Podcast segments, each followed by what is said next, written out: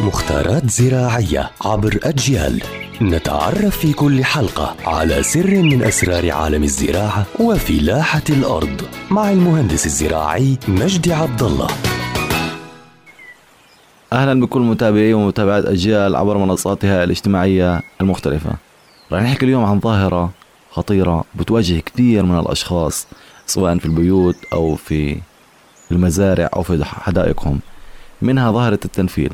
ظاهرة التنفيل طبعا اللي هي سقوط الزهر يعني أنا عندي ليموني عندي برتقالي عندي رماني زارع مثلا بندورة زارع خيار الزهر بسقط. هاي الظاهرة تسمى التنفيل. فالتنفيل هو انخفاض نسبة عقد الأزهار وموت الثمار حديث التكوين. بمعنى الثمار هي خلينا نقول عقدة تجديد بتموت وبتوقع. طبعا حنوقف عند أسبابها والحلول. الأسباب تقلبات الحادة في المناخ. يعني من ارتفاع وانخفاض درجات الحرارة بين الليل والنهار بسبب سقوط الزهر بمعنى إنه بالليل برد بالنهار حم يعني خلينا نقول فرق كبير بين درجات الحرارة بسبب سقوط الزهر ثانيا زيادة الري أو التعطيش.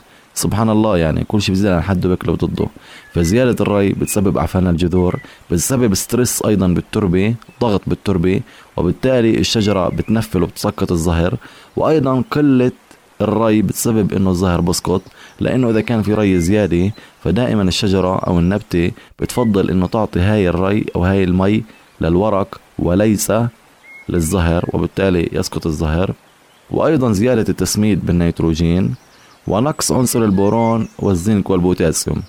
وأيضا الإصابات الفطرية من البياض الدقيقي أو إصابة العناكب بتسبب أيضا تساقط الزهر طبيعي لأنه الشجرة لما تكون مريضة مش مرشوشة أدوية فطرية وأدوية حشرية فطبيعي إنه تسقط الزهر.